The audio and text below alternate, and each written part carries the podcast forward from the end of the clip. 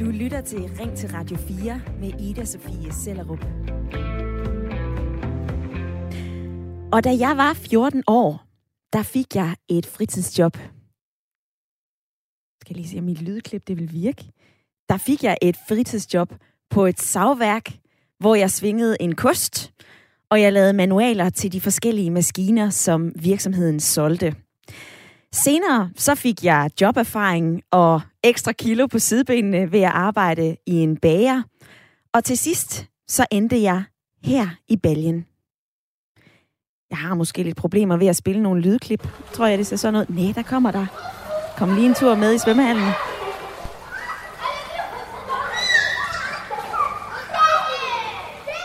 Ja, jeg var svømmetræner for en del ivrige unger. Og fælles for alle mine fritidsjob, det var, hvor fed den følelse var at tjene mine egen penge og bruge dem på lige præcis det, jeg havde lyst til at bruge mine penge på. Men samtidig så kunne jeg også mærke en snært af misundelse, når nogle af mine veninder fik lommepenge af deres forældre, og altså ikke skulle møde ind på arbejde i en bager, på et savværk eller i en svømmehal. Og noget tyder på, at færre unge faktisk snupper en chance som børnepasser, jordbærplukker eller et andet fritidsjob. For der er 25.300 færre unge mellem 13 og 17, der i dag har et fritidsjob, end hvis man sammenligner med tal fra før finanskrisen i 2008. Det viser tal fra Beskæftigelsesministeriet. Og hvis vi kigger over Danmarkskortet, ja, så tyder det altså på, at jo rigere kommunens indbyggere er, desto lavere er andelen af unge i arbejde. Det viser de seneste tal, som jeg har fundet på øh, Danmarks Statistik. I toppen der har vi for eksempel kommuner som Varde og Herning. Her har mere end 40 procent af de unge et fritidsjob. Og i bunden, der ligger kommunerne som Frederiksberg, Gentofte, København, Sorø, Lyngby Torbæk. Her er det altså kun 26 procent af de unge, der har et fritids, en fritidsjob. Men er det så et problem, at de unge de får lommepenge af deres forældre, og, øh, og ikke øh, snupper en tur i brusen? Ja, mener det, mener øh, Lavand Hiva Namo. Han er kandidatstuderende og vinder af DM i debat. Og i går, der skrev han det her i politikken. Det vidner om et åndeligt forfald og en ressourcestærk forældregruppe, der svigter sin opgave med at lære kommende generationer værdien af penge. Det har en selvstændig værdi, at man har prøvet at vinde bøffer i McDonald's, sidde ved kassen i brusen eller arbejde på en restaurant, som jeg selv har gjort i fem år. Jeg vil påstå, at man får mere empati og respekt for det flertal af danskerne, som hver dag udfører hårdt og manuelt arbejde. Det siger han. Og hvad siger du? Er det absolut nødvendigt for de unge at tage et fritidsjob, eller er det okay, at de får lommepenge af deres forældre? Det er det, debatten skal handle om i dag, og øh, jeg vil rigtig gerne høre din mening, din holdning til dagens emne. Du kan give lyd ved at ringe her ind på 72 30 44 44. Du er også velkommen til at sende en sms. Skriv ind til 1424.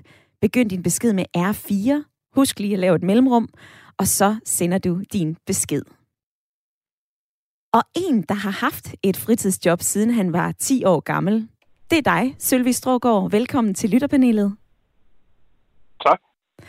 Nu er du 32, og du bor i Aalborg, og du arbejder som skraldemand. Er det vigtigt at have et fritidsjob, når man er ung? Ja, det, øh, det vil jeg sige, at det er. Det er, det er min umiddelbare holdning. Det, øh, som, som ham, du citerede lige før, også nævner, at øh, det, det, er andet end bare øh, at tjene penge til, til forbrug. Øh, det, det giver meget at have et fritidsarbejde som ung, vil jeg sige. Ja, det er noget, vi dykker ned i senere i programmet. Det er dejligt at have dig med, Sølvi. Du er jo, øh, du sidder i Aalborg, og nu springer vi fra Jylland til netop Kongens Lyngby, der jo skraber bunden i forhold til, hvor få unge mennesker, der egentlig tager et fritidsjob. Hvad mener du om det, Louise Siv Ebbesen? Ja, hej. Jamen, øhm, jeg vil gerne lige... Det er rigtigt nok, at vi ligger lavt sammen med Gentofte og nogle af de andre øh, rige kommuner, men, øh, men der er jo også kommuner som Rødovre og Ishøj og øh, Vordingborg, øh, hvor man kan sige, indkomstsammensætningen er lidt en anden, der også ligger relativt lavt. Mm-hmm. Øh, så jeg vil egentlig gerne, inden jeg starter med at sige, om der overhovedet er et problem, lige udfordre, om det er, altså, er der et problem her, eller er det måske mere at sige, at, at den øvre del af Danmark og den nedre del af Danmark, at ja. det, der ligger det lavt, altså begge steder, og det er måske mere middelklasseværdien, det at tage et arbejde, som, øhm, som der, der, der, der gør forskel. Ikke? Ja, men du er jo også med i lytterpanelet i dag. Du er øh, 30 år, du er mor til to, og så arbejder du i, øh, i Finansministeriet som økonomikonsulent. Altså, hvilken, hvilken rolle mener du, at et fritidsjob kan spille i et ungt menneskes liv? Jeg tror, det, det kan give en rigtig meget dannelse i form af at, øh, at lære at arbejde, hvilket man jo skal bruge gennem hele livet, og, og lære værdien af penge, og altså, det er jo og også at møde nogen, der har en anden uddannelse end, end en selv. Øhm, men, men bare for at sige, det er jo heller ikke, man kan sige, ikke for hver en pris, hvis nu man, ja, debatten gik jo meget på de her øh, meget, meget rige i Danmark, som der jo er relativt få af, og som nogle gange også bliver sådan lidt udskammet lidt, men, men hvis jeg skal udfordre debatten ligger lidt, som du nævnte før, så kan man også sige, men der er også andre ting, man, man skal lære i sin ungdom, øhm, end lige at tage et, et arbejde. Det kunne også være, at man simpelthen er elitesportsudøver, og mm. ens forældre så siger, jamen, så giver vi lidt lommepenge, så man kan dyrke den side. Øhm, det kan også være, at man, man hellere vil fokusere på at lære et nyt sprog eller sådan noget, så det, der er også andre ting, man kan bruge sin fritid på. Lyder det fra øh, Sølvi og Louise, der er med i lytterpanelet i dag. Det er dejligt at høre, og jeg håber også, at du derude har lyst til at være med, når vi taler om øh, fritidsjob i øh, Ring til Radio 4, som er øh, vores allesammens samtale- og lytterprogram. Husk, at du kan skrive ind til 1424. Du må også gerne ringe på 72 30 44 44. Men som øh, Louise lige nævner her, så kommer hun jo ind på, forældre kan jo hjælpe deres børn, blandt andet hvis de er elitesportsudøvere. Det kunne jo også være, at man som forældre vil hjælpe sit barn, så øh, der var tid og fokus på en krævende uddannelse. Altså, hvorfor er det illeset, at man vil hjælpe sit barn godt på vej? Sådan lyder det i hvert fald fra 36-årige Jesper Kronborg Jensen. Han er en af dem, som har fået økonomisk hjælp af sine forældre, da han studerede. Og øh, nu har han en Ph.D. fra Syddansk Universitet. Han har vundet en forskningspris. Han er blevet kåret som et af Danmarks talenter af Berlinske Business. Og så siger han det her til DR. Mit budskab er ikke, at man ikke skal tage et fritidsjob. Jeg tror bare ikke, at det er for alle. Og jeg tror, at der er mange måder at lære om samfundet på. Jeg tror for eksempel også, at de unge mennesker lærer, når de går til fodbold og sammen med vennerne. Det siger Jesper Kronborg Jensen. Hvad mener du? Er det absolut nødvendigt for unge at tage et fritidsjob? Eller er det okay, at man som forældre hjælper med lommepengene, så der kan være fokus på enten elitesport eller måske bare en uddannelse. Du må meget gerne være med i debatten. Ring ind på 72 30 44 44. Du må også gerne sende en sms ind til 1424, og det har Jens allerede gjort. Han skriver, Jeg var mælkedreng i tre år, fra jeg var 12 år gammel. Det var tunge løft med mælkekasser, 24 liter per kilo, hver eneste dag efter skole, og fredag, der gjorde jeg hele mejeriet rent. God morgen, skriver Jens fra Roskilde. God morgen til dig, Jens. Jeg håber ikke, at du har fået ondt i ryggen af alle de løft. Der er jo nogle regler, øh, som vi også dykker ned i i løbet af dagens program, for hvad de 13-17-årige de egentlig må arbejde med, og hvad de ikke må arbejde med. Men øh, jeg vil lige vende tilbage til Sølve Strågård i mit lytterpanel. Da vi talte sammen om det her i går, der sagde du, at det kunne være en glidebane, hvis man som forældre begyndte at give sine børn lommepenge, og ikke rigtig notchede dem ud til at tage et fritidsjob. Kan du ikke lige prøve at forklare mig, hvorfor du mener det?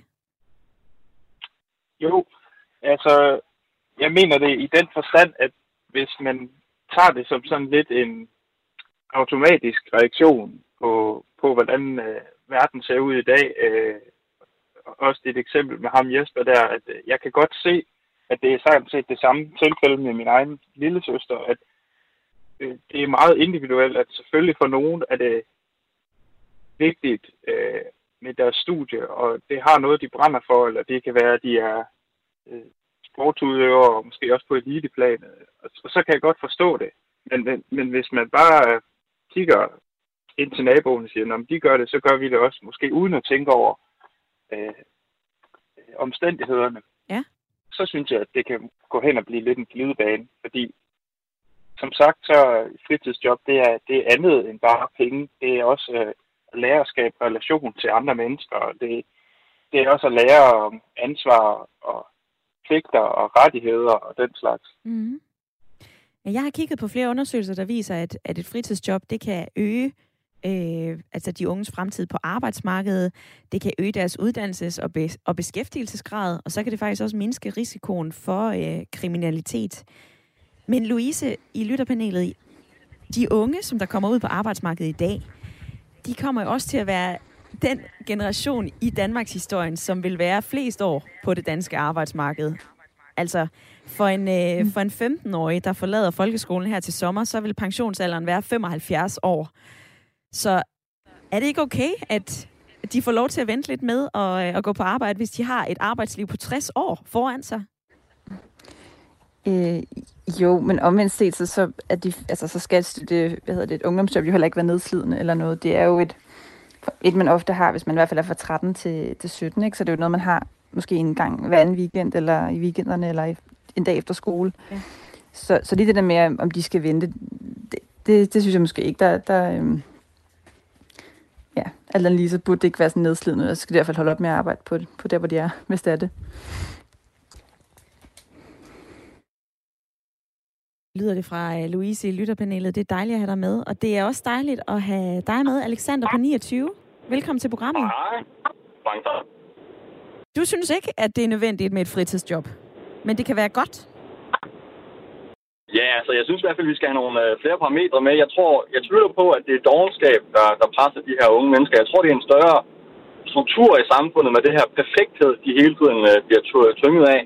Og det er lige fra, fra uddannelse og fra øh, ungdomsparatlighedsvurderinger helt ned i 8. klasse, til at de skal være med til festerne og sport, som der også er blevet nævnt. Altså, de bliver tynget af rigtig mange ting, og jeg tvivler på, at det er dogenskab. Jeg tror simpelthen, at det handler om, at, at mange af de unge har en presset mental kapacitet, fordi de føler, at de skal nå så meget. Ja, og, og øh, hvor ved du det fra, skal jeg lige spørge dig om? Jamen, der er jo uh, utallige undersøgelser, der viser, at, uh, at uh, angst og stress er stigende uh, blandt de unge mennesker. Uh, diagnoserne er steget markant. Jeg tror, det er en 16% stigning siden år, år 2000. Uh, så der er utrolig meget pres på de unge mennesker, og jeg synes, det er rigtig vigtigt at have et arbejde, som det også er blevet nævnt. Jeg har selv haft uh, fast arbejde, siden jeg var 14 år gammel. Men samtidig så må vi også bare anerkende, at de lever i en helt anden tid, hvor man forventer mere og mere af dem og de skal være øh, fodsoldater for konkurrencestaten, så er det altså bare svært øh, at lige få tid til alt. Ja. Og du nævner jo også øh, den mentale sundhed, og der kan jeg jo også lige sparke nogle tal ind på, øh, på banen. Jeg spurgte lidt flabet før, og jeg, har jo, jeg står jo faktisk her og kigger på nogle tal, der viser, at blandt de 15, øh, 11-15-årige, der er en ud af fem, øh, de viser altså tegn på dårlig mental sundhed hver eneste dag. Og det kan jo være, at man er ked af det, det kan være, at man har øh, svært ved at falde i søvn. Det kan være, at man føler sig udenfor eller er for presset af skolearbejdet. Men, men jeg ja, det handler jo også bare om at stille skarpt på, hvad, hvad, hvad, hvad, hvad, hvad vil man gerne? Altså vil vi gerne have, at de skal være de her 12-tals øh, piger og drenge? Eller vil vi gerne have, at de skal være almindeligt dannede? Hvis vi gerne vil have, at de skal være sådan nogle almindeligt dannede typer, som jeg mener er, det, det, vi skal gøre, så skal vi også bare tale dem op og sige, at det er okay at få 4 og 7, hvis du også skal have et arbejde nede på mejeriet. Altså, vi kan ikke forvente det hele af dem. Det dur ikke. Det er godt at få dit besøg med, Alexander. Tak, fordi du havde lyst til at være med i debatten i dag, og have en, uh, have en god tirsdag. Jo, tak lige over. Hej. Hej. Ja, Alexander, han, øh, han ringede ind på 72 30 44 44, og det må du også gerne, hvis du har lyst til at være med i debatten i dag, hvor vi diskuterer, om det er nødvendigt at tage et fritidsjob, eller om øh, det er okay, at man som forældre giver sine børn lommepenge, så der er tid til noget andet. Jeg synes, det er en god idé at give lommepenge, men at sige, at de skal skaffe sig et arbejde for at få lommepenge, lyder det på sms'en. Så er der en anden en, Frederik har skrevet ind, man har resten af livet til at arbejde, så jeg synes, det er helt ok, at børn ikke har et fritidsjob. Jeg tror, at det er lidt for simpelt, når man trækker en lige streg fra det, man gjorde som barn, til hvem man er som voksen.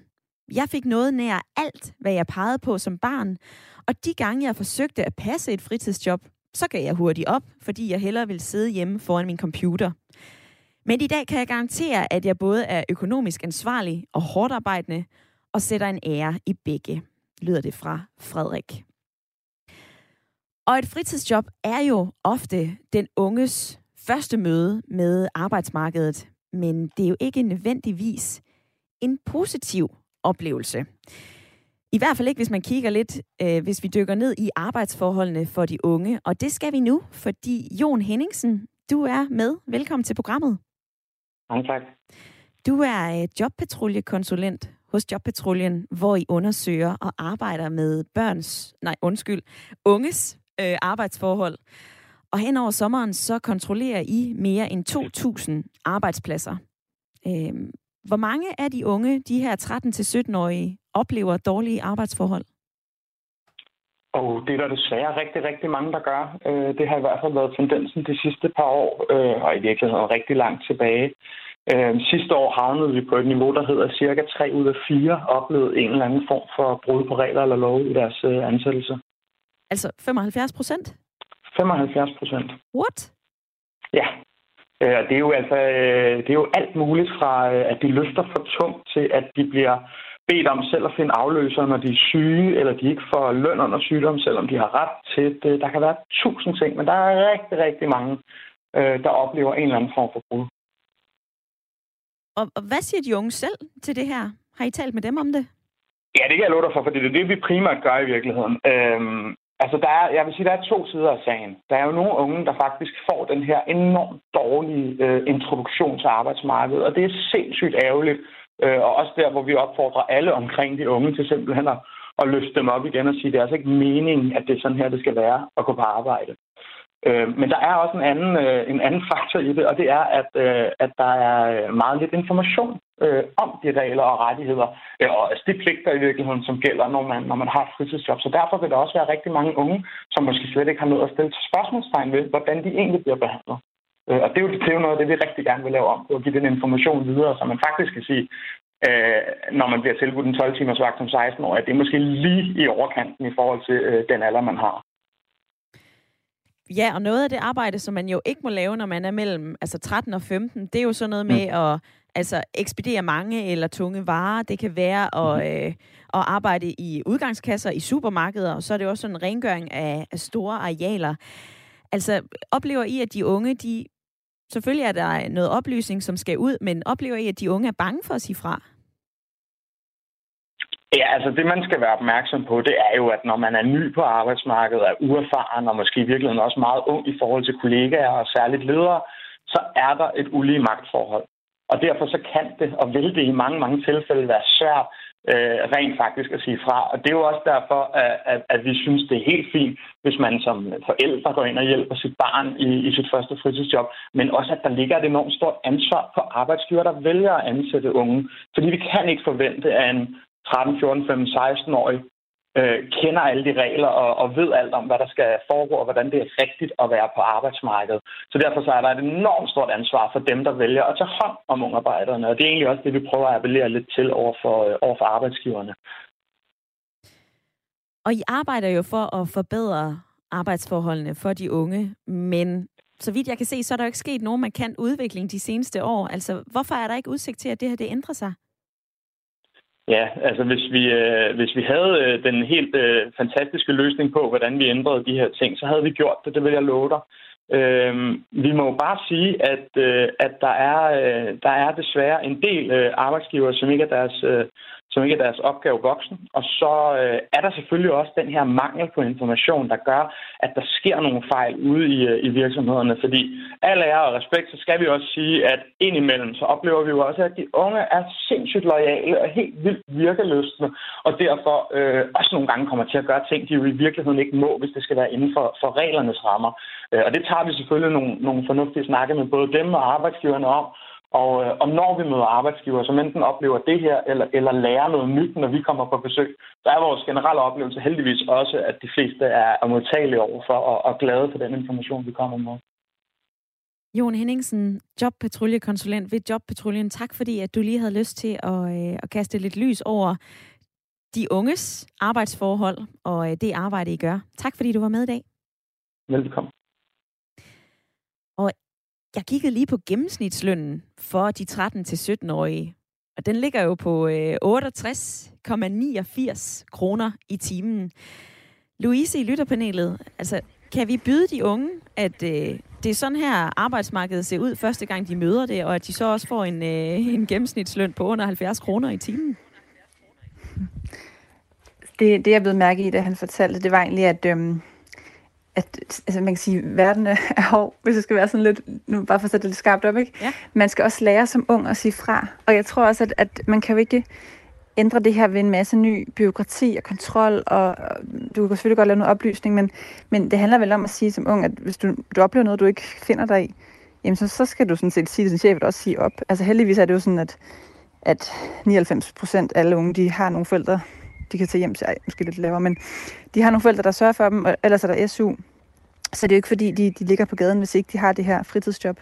Så det handler jo om at sige, at jeg vil ikke finde mig i det, og så kan det godt være, at man som ung øhm, får overskrevet nogle grænser i forhold til tunge løft, og jeg kan da også godt huske øh, nogle episoder fra min egen, øh, dengang jeg arbejdede for min Irma, Ja. øh, hvor nogle ting, jeg lavede der, hvor jeg faktisk endte med at blive fyret, fordi at jeg ikke øh, måtte tage sin håndboldkamp. Det var sådan lidt, jeg havde ellers sagt op i god tid, at jeg ville til håndboldkamp. Det er, sådan, det er en lidt en, en anden historie. Ja. Pointen er bare, endte med at bare sige, så, så er det ikke et sted for mig, så må jeg finde noget andet, så passer bedre til min, min sport. Ikke? Mm. Øhm, altså, men mere det der med, at man også skal lære som ung at sige, at verden er lidt brutal, og man skal også steppe op og sige, jeg vil ikke finde mig i det her.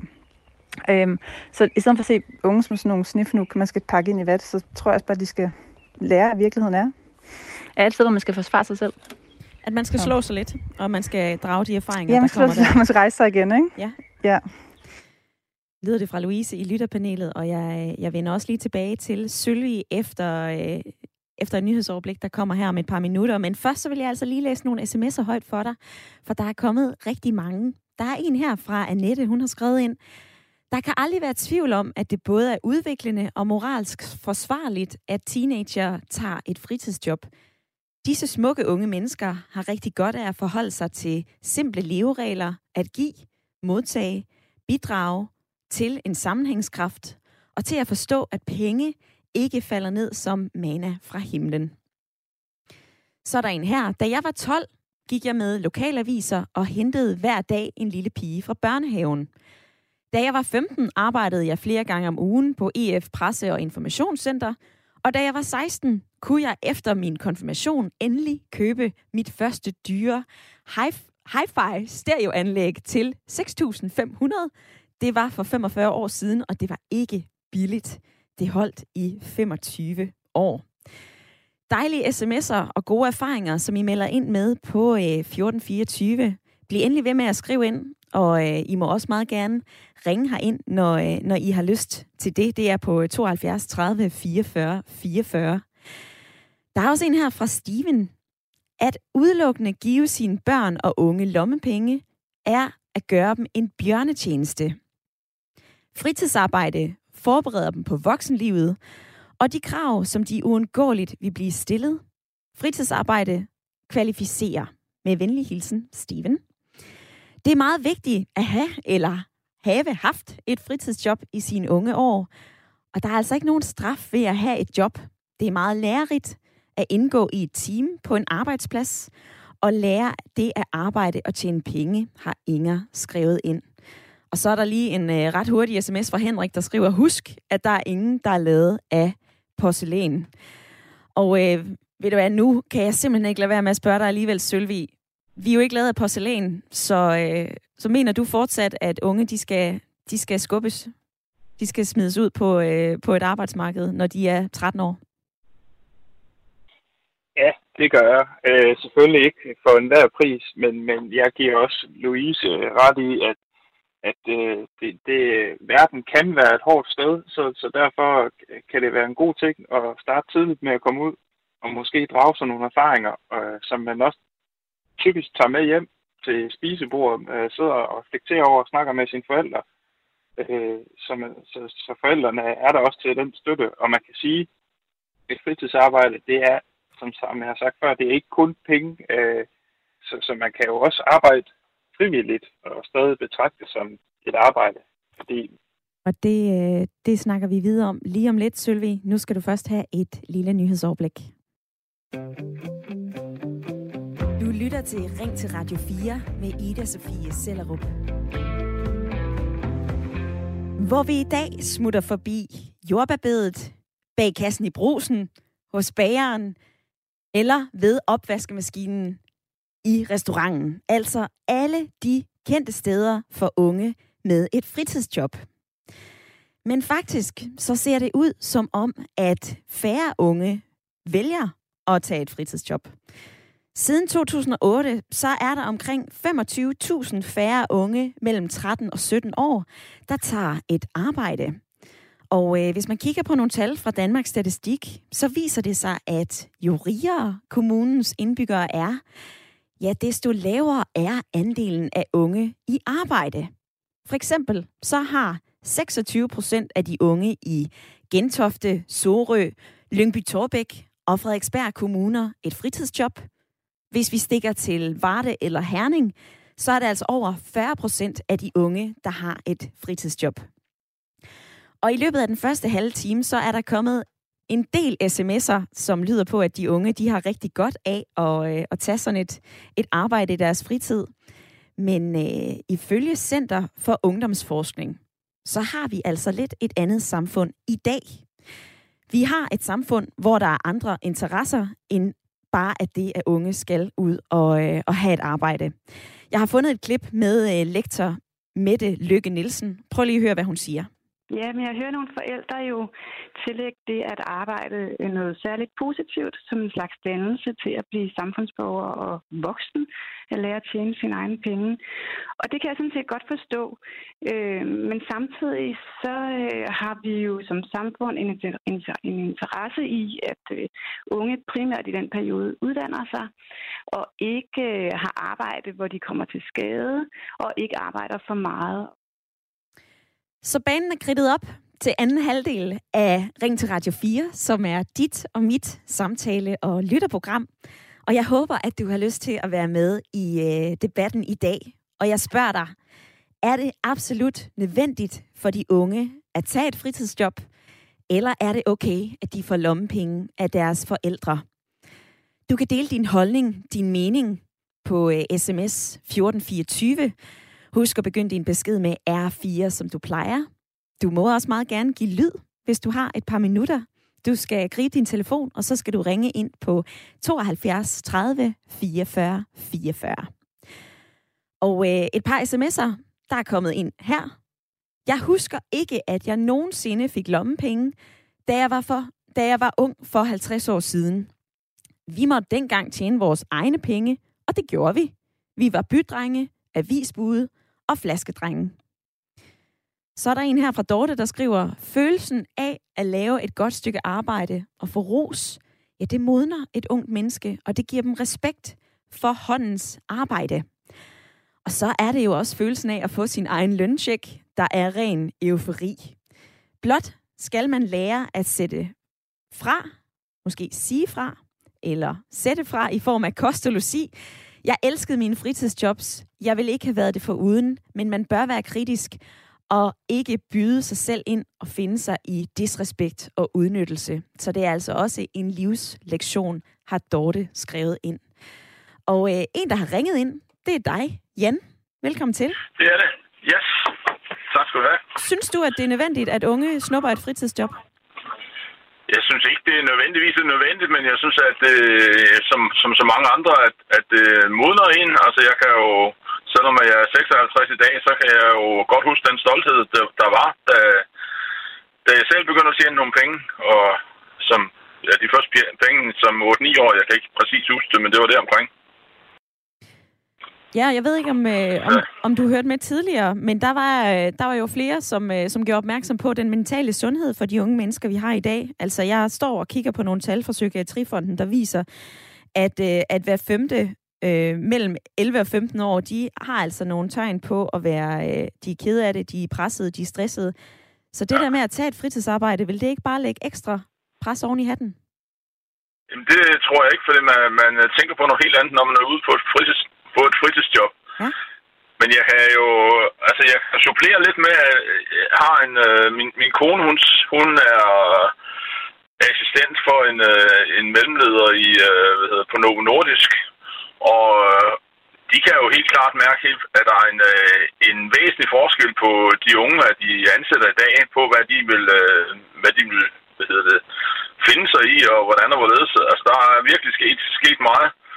Og jeg tænker lidt om, om, om det måske også er fordi, at de, øh, de er blevet, hvad hedder det, at de har haft det for let gennem livet. Ja, de er pakket lidt ind i, i bobleplast. Ja, ja, ja, ja.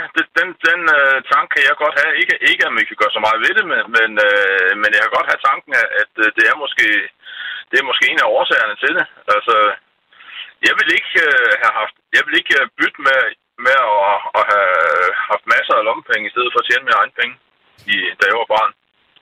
Men hvis vi så, øh, det var dig, da du havde et fritidsjob, og nu er du 56.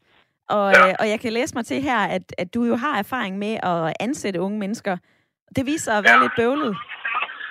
Jamen, altså, jeg vil ikke sige, at jeg har erfaring med det, men, men uh, vi, vi har haft nogle uh, problemer. Vi har haft, uh, vi, vi har nogle ejendomme på den virksomhed, jeg arbejder på, som, uh, som skal passes, og vi har fået en uh, henvendelse for nylig fra en ung mand, som var lige ved at være, være 13 år, og vi øh, henvendte os til vores HR-afdeling, om det kunne lade sig gøre at ansætte ham til at slå græsset, så ikke at vi skulle bruge tid på det. det der var så mange bøvl med det, og efter et par måneder frem og tilbage, så blev svaret, at det, det måtte vi ikke. Vi kunne ansætte en studentermedhjælp og få fast øh, arbejdstid, hvis vi kunne finde en. Okay. Men ellers ikke. Så, øh, men, men de der unge mennesker, som, øh, som så kunne have... Altså, vi ville også have, gerne ansætte ham bare på, på altså på en, det man siger, 0 timers kontrakt, hvor at, at, øh, at han øh, jo fik penge for det, når han, øh, altså for, for det han lavede. Altså, jeg går ud fra, at det vil tage cirka en time om ugen, men der er jo ikke nogen præst, der skal slå som vinteren, for eksempel. Så du oplevede, at de her regler, de var ret rigide? Jeg synes, de var ret rigide, og, det, og, og jeg oplever i øvrigt også, at det, det er sådan min fornemmelse af, at, at der er der er nogle voldsomme... Altså, der, der er sket meget på de 40 år siden, at jeg selv var... Eller 45 år siden, jeg selv øh, havde et fritidsjob som, som barn. Men... Til, til i dag. Der, der er mange øh, regler, som, som, øh, som skal håndhæves, og som øh, nogen... Jeg, jeg tænker, at der er nogle virksomheder, som, som simpelthen siger, det, vi overgår ikke det her, altså så må vi, så må vi tage en, der... Vi overgår ikke at have en fejredreng gående, fordi at Øh, vi ved jo godt, at han øh, ikke laver så meget. Han skal, han skal have 70 kroner, eller omkring 70 kroner i timen. Det er omkring halvdelen af, hvad en, øh, en øh, hvad hedder det, voksen ufaglærer skal have. Ikke også? Skal en voksen ufaglært have 40 kroner? Hvad siger du? Skal en voksen ufaglært have 40 kroner? Den skal jeg lige forstå. Hvad, hvad... Nej, jeg siger, en, en voksen ufaglært har får 140 kroner i timen. Modtaget. Cirka. Godt. Ikke også? Yes. Og en, en øh, hvad hedder det, vi hørte tidligere en, øh, en uh, ung, uh, hvad hedder det, fritidsjobber fik i gennemsnit 68 kroner i timen. Det er cirka halvdelen af, af de 140. Yes. Og, og du skal bruge noget tid på at have en, en fritidsjobber hver eneste dag, frem for at have en, en ufaglært. Væsentligt mere tid. Det var i hvert fald også det, som øh, Jobpatruljen kom ind på i første halvdel af programmet. Men, øh, men Jan, selvom du har oplevet de her rigide regler lige kort til sidst, vil du øh, ansætte et andet ungt menneske igen? Ja, hvis jeg, kan, hvis jeg kan komme afsted med det, hvis jeg kan få lov til det, så, så vil jeg gerne. Lyder det fra øh, Jan, der ringede ind på 72 30 44 44. Tak fordi du havde lyst til at give dit øh, besøg med i dagens debat, Jan. Det er jeg glad for. Jeg er også glad for, at du har ringet ind, Toge. Du er 36. Det er rigtigt. Ja. Du har haft en positiv oplevelse med et fritidsjob. Ja, jeg havde en meget positiv oplevelse, fordi at, øh, jeg havde svært ved at passe ind i folkeskolen. Jeg synes ikke rigtigt, at det var et, øh, et sted, jeg havde så meget øh, succes og så mange optursoplevelser. Øh, der fik jeg et arbejde, da jeg gik i øh, 7. klasse øh, på et hotel som sådan alt muligt dreng. Og øh, der fik jeg rigtig meget ros og oplevede pludselig, at jeg passede ind i et fællesskab der. Og det synes jeg var, øh, det var en øh, game changer for mig i hvert fald. At opleve, at øh, selvom man måske ikke lige passede ind i folkeskolen, så var der faktisk et arbejdsmarked bagefter, hvor at man rent faktisk øh, godt kunne være med til at gøre en forskel og, øh, og arbejde. Ja. og, og hvordan kunne du bygge på det videre? Nu er du 36, kan jeg se her. Ja, det er rigtigt. Jamen altså, det har jo, det har jo lært mig, at øh, det, eller det lærte mig, at øh, folkeskolen jo ikke var det hele. Det var jo ikke alt, hvad der var i øh, ens liv, selvom det fylder alt på det tidspunkt. Så, øh, så opdager man jo, at øh, der er andre steder, man også kan, øh, at man også kan, man kan være noget ud over øh, øh, folkeskolen. Hvis man ikke føler, at man måske er noget specielt der, så kan man være det et andet sted og få en positiv oplevelse. Og så vil jeg sige, at for mig handlede det, altså var, var lommepengene selvfølgelig drivkraften øh, til at få et, øh, eller hvad hedder det, lønnen selvfølgelig øh, øh, det, der, det, der fik mig overbevist om, at jeg gerne vil have et, øh, et fritidsjob. Mm. Men det var jo ikke det, jeg fik. Det var jo ikke det, der var altafgørende. Jeg fik jo stadig lommepenge af mine forældre, selvom at jeg tjente lidt til siden af. Så det ene udelukker ikke det andet. Det er, det er godt at høre, Toge. Jeg er glad for, at du havde en positiv oplevelse med dit fritidsjob, og du har kunne bære det videre i øh, dit voksenliv. Tak, fordi du var med i dag. Ja, det var så lidt. Hej. Og det er vel lidt vand på din mølle, Louise, at høre sådan en positiv historie om at have et fritidsjob. Ja, helt sikkert. Det, øh, altså, jeg mener 100%, at uanset hvor mange penge ens forældre har, så, så er det en værdi i sig selv at have et arbejde. Men, øh, men man kan bare sige, det der med at gøre det til et problem, som, som du indledte med ham, okay, ham der vandt det med debat, jo, jo skrev indlæg om, at det var et problem, at, de meget rige ikke har det. Det synes jeg måske ikke er et, et samfundsproblem, men, men det på individniveau mangler de måske noget, men så kan de, kan få noget andet, ikke? Bare ja. for at sætte op i forhold til problemstillingen. Ja. ja. Ja, det var i politikken, hvor at, øh, øh, lige var en øh, Norman, han skrev, at, øh, at det var simpelthen sådan en ressourcestærke forældre, der simpelthen ikke magtede opgaven i at fortælle deres børn værdien af penge. Øhm, og det har vi jo det har vi også været lidt omkring. Men altså, der er jo flere sms'er, som går på, at, at ungdomsarbejde, det er at blive en god ting. Øhm, det skal heller ikke overdrives. Altså maks de her 10-12 timer om ugen og ingen tunge løft. Øhm, og jeg ved, at det her det er en debat, som kan stikke i mange forskellige steder, Louise. Du har også været inde på lidt forskelligt undervejs. Men altså, hvad mener du er det mest afgørende for, at vi får en, bal- en, en balanceret øh, ungdom? Jamen, altså, altså hvis vi holder til det her emne med, med arbejde, så synes jeg egentlig, at, at, at det, det at have et arbejde, det kan godt af, afstresse også. Altså, eller det kan også godt gøre, at du for eksempel har, øh, du ved, at du skal på arbejde tirsdag, så derfor får du lavet din lektier dagen før. Øh, så der er de her, der har fortalt om, at, at vi har en meget stresset ungdom, vi skal passe på dem og sådan noget. Jeg tror, at arbejde det kan være en af løsningerne på at, at give en mere opbalanceret ungdom. Øhm, og så endelig ikke, hvis vi også skal tale om karakterer, sådan noget, så går jeg meget ind for karakterer af en ting, fordi det netop er meget sådan gennemskueligt for, uanset hvor du kommer fra i samfundet. Ja. Så ved du, kan jeg få syv, så kan jeg kæmpe hårdere, så kan jeg få ti. Altså det, det er et øh, fuldstændig afgørende i vores uddannelsessystem. Så bare hvis, hvis du, den, den vej derhen er med, at jeg synes helt klart, at karakterer er en, en vigtig ting for, en, øh, for, for at få en færre chance som ung, uanset hvor man kommer fra.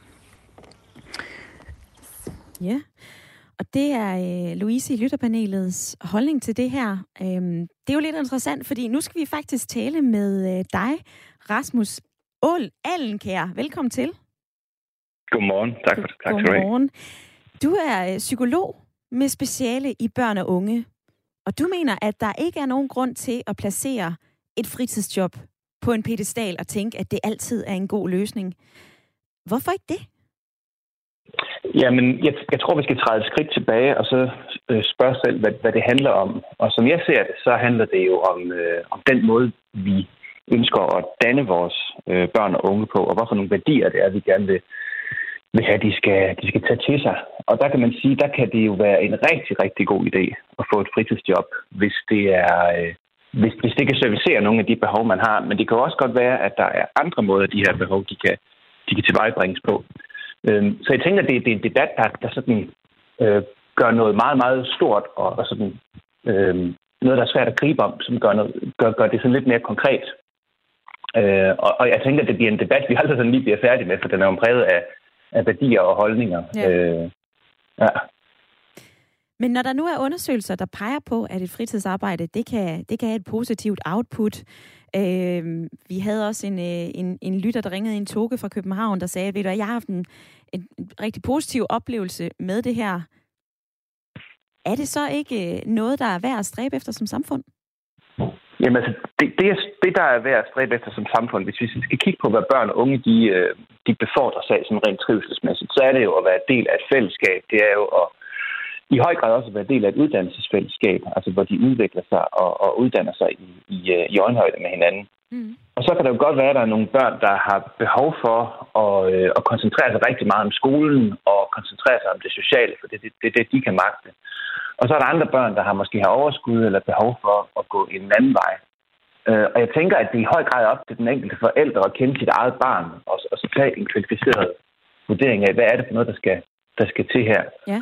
Og man kommer jo ofte til at, at, at læse sin, sin egen barndom ind. Det gør jeg da også selv, for jeg, jeg har arbejdet siden jeg var 13 år som avisbud og som kartoffelpakker. Jeg havde et hvert et øjeblik af det, skal jeg sige. Det med det der kartoffel noget, det var færdigt. og, og, og det, det, jeg lærte af det, det var, at det, det skal jeg aldrig have med at gøre alligevel. Men, men man kan sige, jeg lærte jo også, at så kommer der en eller anden form for, for økonomisk frihed i, i sådan begrænset omfang. Og, øh, og jeg lærte også, at, at, at, øh, at nogle gange så skal man lige ranke ryggen og modtage en skideballe fra en, øh, en sur maskinmester, og det overlever man som mandt også. Så for mig har det sådan set egentlig gjort noget rigtig fint. Men det var jo mig. Mm. Øh, det er jo ikke sikkert, at den model passer til alle andre. Og, og, og jeg tænker, der, der er rigtig mange måder, man kan lære det her på. Man kan også blive, blive frivillig træner i en sportsklub, eller man kan starte et, øh, starte et orkester, eller man kan øh, blive YouTuber og, og altså gøre noget der. der. Der er mange måder, man kan gøre noget på, ja. øh, og så opnå de samme ting. Og lige i forhold til det her, du nævner selv øh, dine egne erfaringer som, som kartoffelpakker. Det lyder som en, øh, en chance, du aldrig kommer til at glemme, Rasmus. Øh, der er også en sms, der lyder sådan her. Hej Ida, jeg, da jeg var 17 år i 70'erne, var jeg flyttet hjemmefra, og jeg havde fast arbejde. Øh, og så er der også en her. Jeg startede med at arbejde med at passe underboens børn, da jeg var 12. Da jeg var 14, arbejdede jeg i en bager i weekenden og med børnepasning. Og generelt set, så er der altså en del sms'er, som netop er både på vores egne erfaringer, men, men som du siger, så er det ikke en valid tankegang, fordi at vores børn er jo forskellige fra os. Og jeg synes nu, at, at hvis man kan tage nogle af de gode ting med, man havde fra sin egen barndom, så, så, øh, så er det bestemt et, et godt afsæt for at forholde sig til, hvordan man vil, vil gøre med sine børn. Det vi skal huske på, det er, at i dag især for de, øh, de sådan, skal vi sige, fra mellemtrin, øh, altså de sådan 6-7 klasses øh, børn og op efter, der er verden radikalt anderledes. Øh, de er jo i høj grad øh, påvirket af den øh, teknologi, vi har givet dem i hånden som voksne. Og det vil sige, at en del børn og unge udvikler jo sådan set stresssymptomer, fordi de hele tiden skal være online. Øh, de skal præsentere sig selv som perfekte rundt omkring øh, i, i alle mulige afkrog af, af den virtuelle virkelighed. Og, øh, og det skal de sådan set gøre hele tiden. Og så har vi også puttet dem i en virkelighed, hvor de bliver testet meget ofte i folkeskolen, og hvor, hvor de hurtigt bliver vurderet uddannelsesparate eller ikke parate. Øh, og vi vil heller, helst heller ikke have, at de holder for meget pause i deres uddannelsesrejse osv. osv. Så der er et større pres på børn og unge i dag, og man kunne godt overveje, øh, og her snakker jeg til den helt konkrete forældre, er mit barn i en sådan situation, at det vil øh, tilføje yderligere og også uhensigtsmæssigt pres, hvis jeg siger til mit barn, nu skal du sørge om Gud og få dig et job. Mm. Så, så, så det, det handler om, det er, en, det er en forældreopgave, der handler om, hvor, hvor er det, vi er, hvor er det, vi skal hen, og, og hvordan vil, hvad vil hjælpe mit barn med at komme derhen. Og Rasmus øh, Allenkær, du har jo selv to børn. Øhm, ja. Hvad har du gjort dig af tanker om fritidsjob til dem? Jamen, øh, altså til at starte med, så kan man sige, at herhjemme, der har vi sådan en, en helt fundamental politik, der hedder, hvis man bidrager til fællesskabet, så har man også adgang til fælleskassen. Og, øh, og hos os der er det ikke vigtigt, hvem der tjener mest og hvem der tjener mindst. Det handler om, at vi alle sammen gør det, som vi nu har aftalt, at vi skal gøre. Og det, det går vi op i, og sådan skal det være. Øh, og så øh, har min, min yngste, han er, han er 14 år, øh, og går i 8. klasse, han har ikke noget fritidsjob nu. Øh, det kunne være, at vi overvejer det. Men min datter, der skal til at gå i 3. G, hun, hun har et fritidsjob, og det, øh, det kan hun administrere, som, som hun nu vil, fordi hun er simpelthen ansat af mig i, mit, i min lille virksomhed. Okay, check. Så hun, øh, hun, passer, hun passer bilen og, og, og gør rent på kontoret og laver nogle ærner og sådan noget. Så vi har mulighed for at passe det ind, når det passer med, med, øh, med hendes sådan, dagsform. Mm. Og det virker faktisk rigtig fint. Det, det kan jeg se på hende, altså det er hun faktisk glad for. Men hvis man, øh, lige her til sidst, Rasmus, hvis man nu ikke har mulighed for at ansætte sit eget barn i sin virksomhed, hvordan har man så ja. den her samtale med sin, øh, sit unge menneske om det her med at tage et job eller ej? Jamen, jeg synes i det hele taget, at, at den slags skal være en af mange samtaler, man skal have med sine børn og sine unge mennesker. At man skal forholde sig til, hvad, hvad, hvad er vigtigt for dig, og hvor vil du gerne hen i dit liv? Hvordan kan jeg hjælpe dig som voksen? Øh, så, så, så sådan den helt, helt, øh, helt grundlæggende tilgang til det er jo at, at tale med sit barn og kende sit barn, så man kan få lagt en strategi på det her i fællesskab. For ellers kunne man godt forestille sig, at børnene de bliver suget ind i den her idé om, at det gælder bare om at have en masse bling bling, og at, øh, at det der arbejde, det er simpelthen evigt saliggørende, så man kan komme til at ligne en af dem på Instagram. Og det er jo ikke sikkert, det er den rigtige vej. Det, det kunne jeg faktisk godt forestille mig, det ikke var. Rasmus Allenkær, psykolog med speciale i børn og unge. Tak fordi, at du øh, havde tid til at være med i debatten i dag. Det er mig, der siger tak. Hej. Det vil jeg lige nå at vende med Sølvi i lytterpanelet, for du er, du er fortsat med. Hvad hæfter du der ved i, øh, i den her samtale, når du lige har hørt øh, Rasmus, psykolog med speciale i børn, øh, fortælle om, om, hvordan man har den her samtale? Ja, jamen øh, noget, noget af det, jeg hæfter mig ved, det er, at han siger det her med, at jamen, de unge mennesker, de, de er meget online, og vi forventer mere af dem i dag, end, end vi gjorde førhen. Øh, men der, der tænker jeg bare, at ja, det kan være stressende, og man skal være online, og man skal følge med, og der foregår rigtig mange ting, især socialt. Øh, men der kan et fritidsarbejde måske også være en pause, fordi at det, det er de færreste arbejdspladser, der tillader, at man står med sin telefon i hånden og er på SoMe. Ja. Øh, så, så, der, så der tror jeg, at det kunne måske godt virke, det vil gøre det i hvert fald på mig, virke lidt afstressende, øh, også som 32-årig, at tage på arbejde, fordi så skal jeg kun forholde mig til mit arbejde, og ikke til alle mulige andre ting. Og jeg vil lige nu at dele nogle sms'er med dig. Der er stadigvæk 5 minutter tilbage af dagens debat, og hvis du har lyst til at være med et par minutter, så er telefonen altså stadigvæk åben. Du kan ringe ind på 72 30 44 44. Der er en sms fra Mia, og den har jeg faktisk læst for dig, det beklager jeg. Så er der en her fra Annette.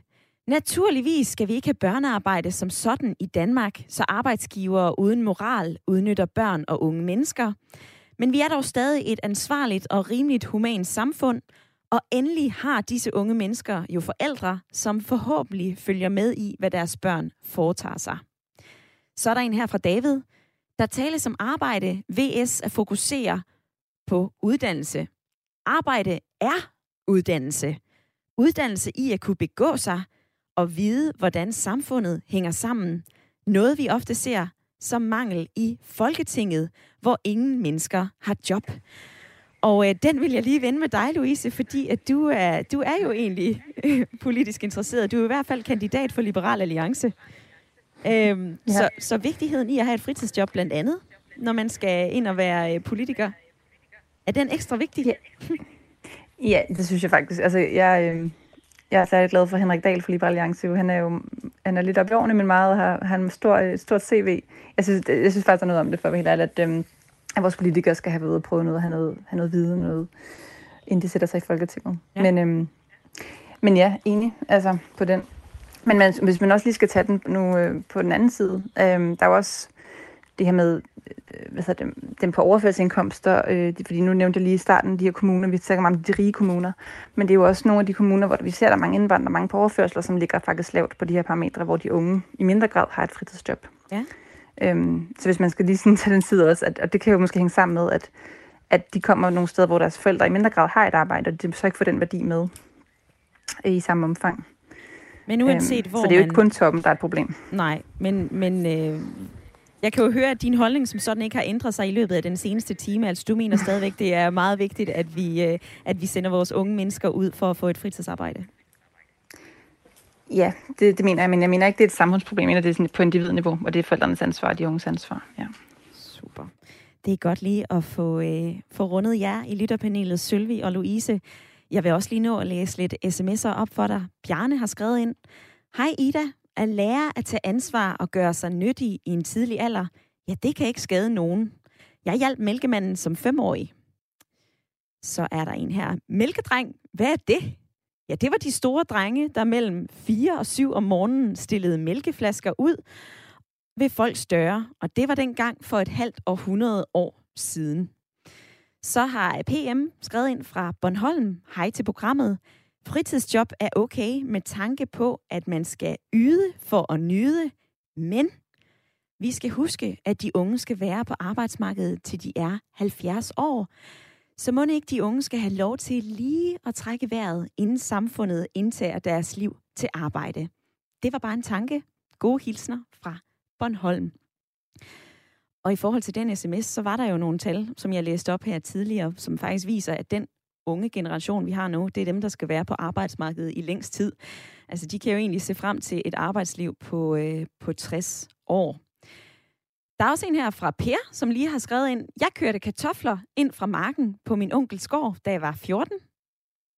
Jeg har ikke kørt kartofler, men jeg har godt nok også lavet meget, og, øh, og Rasmus Allenkær, psykologen, som vi havde med, han havde den der kartoffelchans, Så jeg tror da uden tvivl, at, øh, at du selv sidder med forskellige erfaringer, du har gjort dig i forbindelse med et fritidsjob. Så vil jeg lige sige, at vi når ikke mere i dagens debat, men jeg vil sige tak til alle, der er sms'et ind. Jeg vil gerne sige tak til jer, der har ringet ind. Og selvfølgelig tak til lytterpanelet Sølvi Strågård og Louise Siv Ebbesen. Og så vil jeg lige sige, at øh, Ring til Radio 4 er jo tilbage i morgen 9.05. Men jeg synes, du skal blive hængende her på kanalen, fordi lige om lidt, så er øh, Thomas Schumann klar med det fine Tysklandsmagasin, vi har. Det hedder Genau, og det er lige efter en omgang nyheder.